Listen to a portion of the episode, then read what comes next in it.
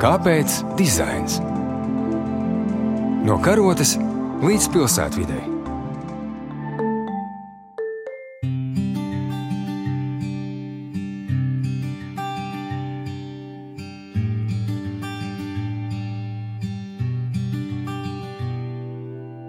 Esiet sveicināti raidījumā Kāpēc dizains?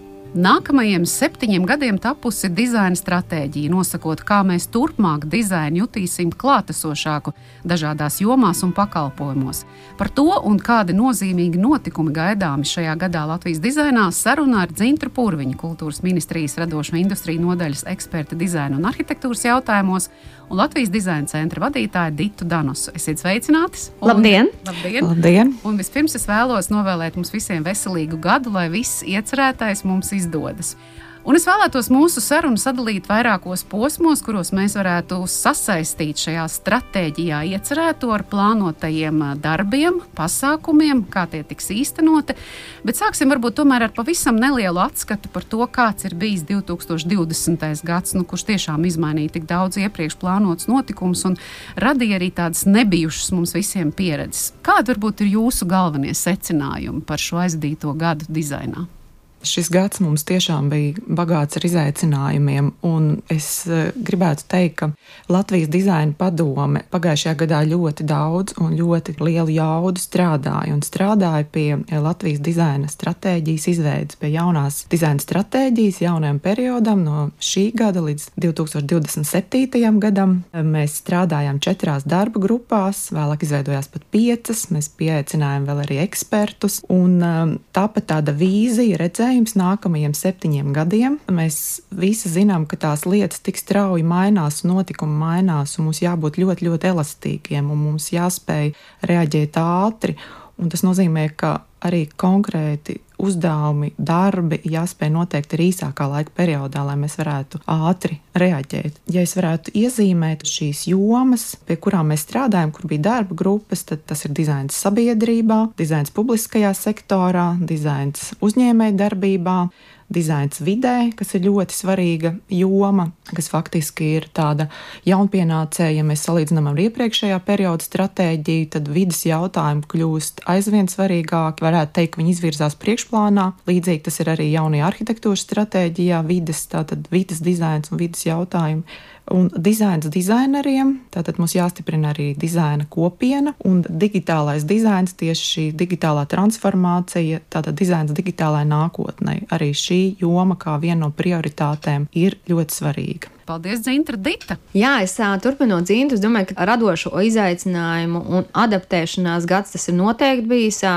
līderis, jo dizains digitalizācijā piedzīvoja savu praktisko darbību ārkārtīgi ātrā tempā. Mēs bijām spiesti dēļ mainīgiem apstākļiem ātri adaptēties, uzņēmumi to starp, un, manuprāt, tas iepriekšējais gads sāka tādu pārmaiņu procesu. Acīm redzam, mums katram, kad mēs sākām saprast, ka šie koplietošanas vides, veikali, publiskās telpas, transports ir ārkārtīgi svarīgs un ka tur šis dizains ir ļoti nozīmīgs. Sākot jau ar šiem skaistiem video rullīšiem par diviem metriem, norādēm, simboliem, mēs katrs pats varam pārliecināties, ko labs dizains var dot un kā ne līdz galam labs risinājums vai slikts dizains var mums kaitēt. Tieši tā, ieraugot to, izlasot, saprotot un zinot, kā vajag vai nevajag rīkoties. Tas ir ļoti labs veids, kā mēs to visu varējām pārbaudīt. Kāpēc dizains?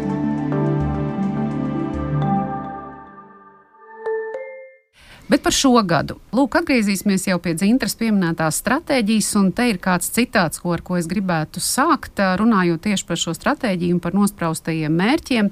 Latvijas sabiedrībā trūkst zināšanu, izpratnes par dizainu, pieprasījums pēc labi dizainētiem pakalpojumiem ir zems, un pakāpeniski veidojas izpratne par labu pilsētvidas dizainu, grafikas dizainu, bet produktu dizains joprojām tiek asociēts ar dārgiem, unikāliem priekšmetiem. Šo izlasot, Šķiet, ka galvenais secinājums esam mēs paši, cilvēki, ko mēs sagaidām, ko mēs zinām, ko mēs varam no dizaina prasīt. Un tas tā kā caurvīja visu šo stratēģiju, ka, protams, tas ir vērsts uz cilvēku. Kā dzintra, varbūt galvenajās jomās mēs redzētu, ka dizains kļūst klātesošāks mums, caur ko mēs to varētu saredzēt, kāda ir šī perspektīva vai šis stratēģijas mērķis.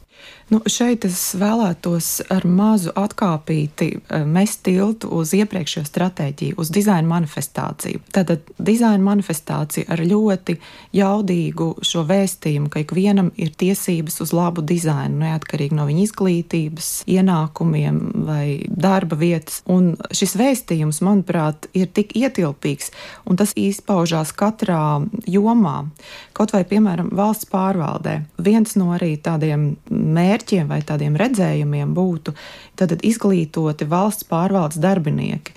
Un uh, ir skaidrs, ka mēs arvien vairāk runājam gan par dizaina domāšanu, gan par dizaina pieeju valsts pārvaldē, gan dizainētiem pakalpojumiem. Vienlaikus būtiski, un tas, ko mēs arī pasakām stratēģijā, ka mums ir vajadzīgs, mums ir jānovērtē profesionāli dizaineri, un mums ir jāspēj arī dizaineru pakalpojumus iepirkt. Ne tikai valsts ierēģi paši kaut ko mēģina darīt, bet ir svarīgs profesionāļu līdzdalība.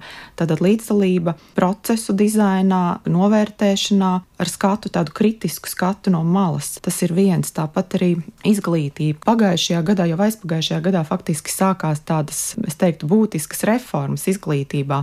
Sākās kompetenci izglītības ieviešana, jauns priekšmets, dizains un tehnoloģijas. Tad pagājušais gads eh, skolēni sāka apgūt šo priekšmetu. Tāpat valsts pārvaldes darbinieku izglītošana, profesionālajā izglītībā arī notiek pāreja uz modulārajām programmām profesionālajā izglītībā, tad dizaina un mākslas vidusskolās tiek izstrādāti standarti. Tas nozīmē arī mācīties ne tikai audzēkņiem, bet arī pedagogiem mācīties. Faktiski šie procesi ir tādi nepārtraukti.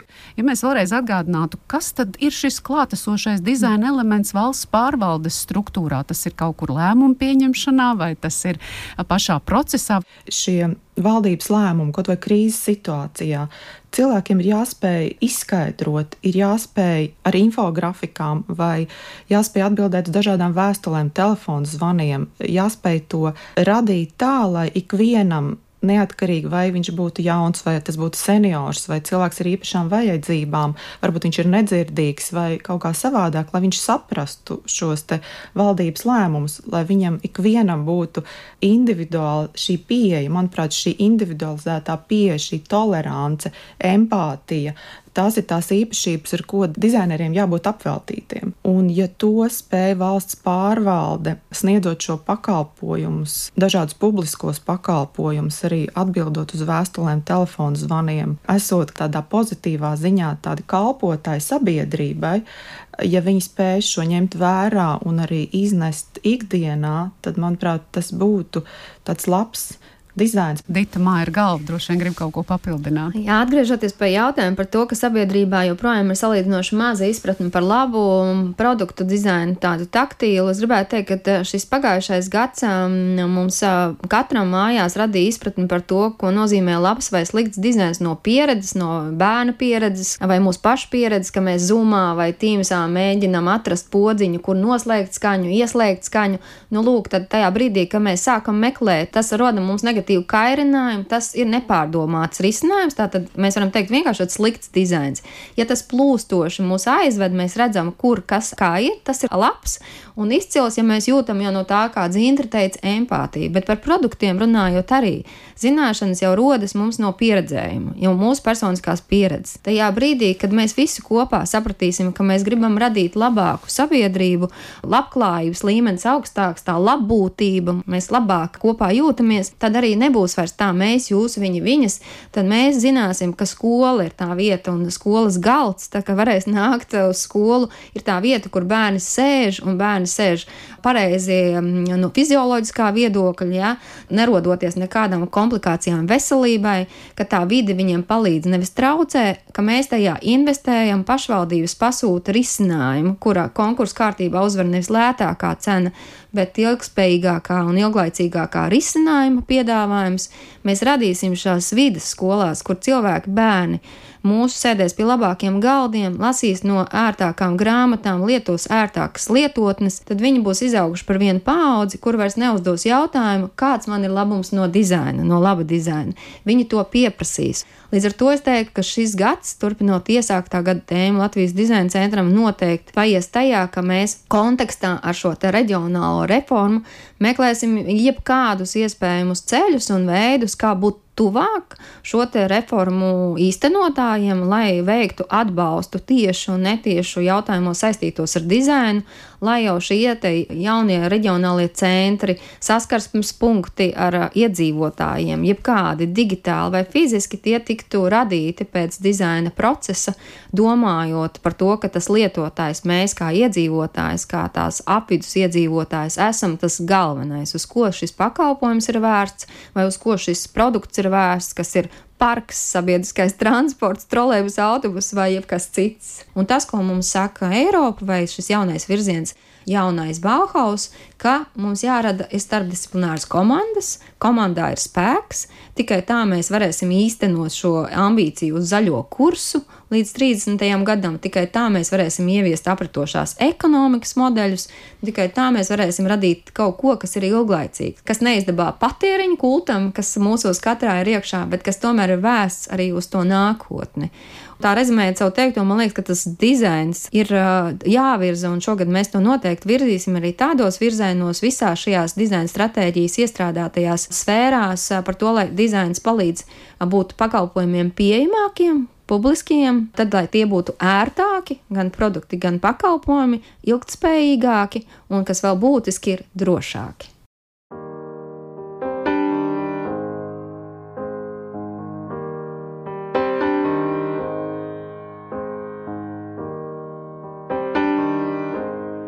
Domājot arī par ja arī Dzintras iepriekš pieminēto iepriekšējo stratēģiju dizainam 2020, ko tautā dizaineru aprindās sauc par sarkano grāmatiņu, kas bija šīs pirmās vadlīnijas, tad tagad mēs, protams, sekojam šai jaunajai stratēģijai nākamajiem septiņiem gadiem, šo gadu jau ieskaitot.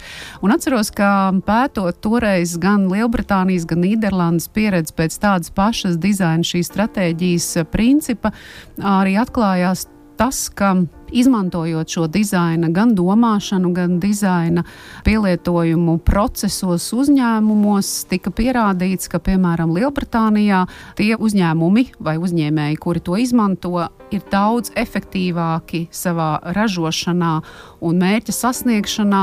Manuprāt, ka pat nebija par 40% nekā tie, kuri to neizmanto nemaz. Vai tas arī ir tas, ko mēs eh, savā šajā Latvijas stratēģijā gribam no uzņēmējiem Latvijā nu, vai vēlamies, vai lūdzam viņiem to darīt? Jā, noteikti mēs vēlamies un gribam visādi līdzdarboties un veicināt, lai uzņēmumiem būtu šī laba dizaina radīšanas apetīte, lai viņi atrastu un tuvinātos viens otram, dizainers uzņēmējam un uzņēmējs dizaineram, un pa vidu vēl šī pašvaldība vai valsts ar kaut kādu savu atbalsta resursu. Bet nākošais arī ir tas, ka, ja mēs runājam par šo ieguldījumu, tad no mums prasa, no kultūras ministrijas dizaina centra prasa pierādījums tam, ko jūs minējāt, kādu ekonomisko labumu tas dos. Nu, lūk, un šeit viena iecerē Latvijas dizaina centram ir, mēs pagājušajā gadā pilotprojektu versijā sataisījām šādu pētījumu simulāciju vai testu dizaina vērtība uzņēmējdarbībā, ekonomikā, kur mēs aprasījām tos uzņēmumus eksperimentāli desmit, kas apzināti lieto dizainu, tostarp Rīgas krēsla fabrika un Aldis Circens. Un jau no šī pilotprojekta var redzēt, ka viņi atzīst, ka tas viņiem ir palīdzējis konkurētspēja, viņi spējuši pārdot vairāk un spējuši arī pārdzīvot labāk šo grūto pārmaiņu gadu, kas nozīmē, ka vispārēji mēs neesam sliktāki kā citi. Dizains dod atdevi to dizainam piemīt vērtību, cik tā ir liela. To mēs ceram šogad uh, izmērīt vienu lielu apjomīgu pētījumu veidā, lai jau mums būtu arī cipari, ar kuriem tad runāt, piemēram, ar finanšu ministriju par nākošo ieguldījumu tieši šo jaunu dizaina produktu attīstībā un pakalpojumu attīstībā. Jā, Zintra, varbūt vēl kaut kas piebilstams. Jā, es gribētu paturpināt par šo Eiropas uzsaukumu ar šo New European Bauhaus, Urzulas Vanderlējens, tātad šo strateģisko iniciatīvu. Būtībā tā ideja ir balstīta jau simts gadus Bauhaus uh, idejās, tātad kopradē, eksperimentēšanas kultūrā, šis aicinājums dizaineriem strādāt kopā ar arhitektiem, amatniekiem, zinātniekiem, tātad vienoties pie viena koprades projekta projektiem vai kopradzes galda, vienoties ar kopīgām idejām, un arī šim tiek paredzēti Eiropas līdzekļi lieli. Tas jautājums, protams, cik mēs efektīvi to spēsim izmantot, un tā ir tā arī dizaineru atbildība. Tā ir tā dizaineru varbūt klātbūtne arī valsts pārvaldes procesos ar kritisku skatu no malas, lai šī nauda, šie līdzekļi netiktu nepārdomāti izmantoti, bet patiešām efektīvi, lai ik viens saņemtu tieši to labumu, kas ir konkrētai mērķa auditorijai vai konkrētam cilvēkam nepieciešams. Un eh, es vēl gribētu uzsvērt arī to, ka dizains arī veicina šo kritisko domāšanu ikvienam un arī izvērtēt jebkuru arī valdības lēmumu vai arī kādās sarežģītās situācijās, kā mums rīkoties valsts pārvalde mobilizējās ļoti strauji. Līdz ar to es turpinot dzīves teikto, aicinātu šajā gadā dizaineriem būt proaktīvākiem, jo pārmaiņas sākas ar katru no mums. Nevis gaidīt, kad kāds nāks un veiks uzsaukumu, nu, ko tagad var darīt, vai savedīs kopā dizaineru ar pasūtītāju, bet ja viņš redz, ka ir vajadzība risināt, viņš saredz risinājumu, būt proaktīvam un iestāties par to, lietot dažādas šos platformas, lai savu priekšlikumu darītu zināmu un veidot uzsaukumu tā īstenošanai. Vai tas ir caur kultūra kapitāla fondu vai kādu citu fondu, tas ir detaļa jautājums, bet šī proaktivitāte, griba pašam darīt un pārējā nākšana nopakaļ, manuprāt, ir tā būtiskā lieta, kas arī ir iesākusies ar The New Bauhaus.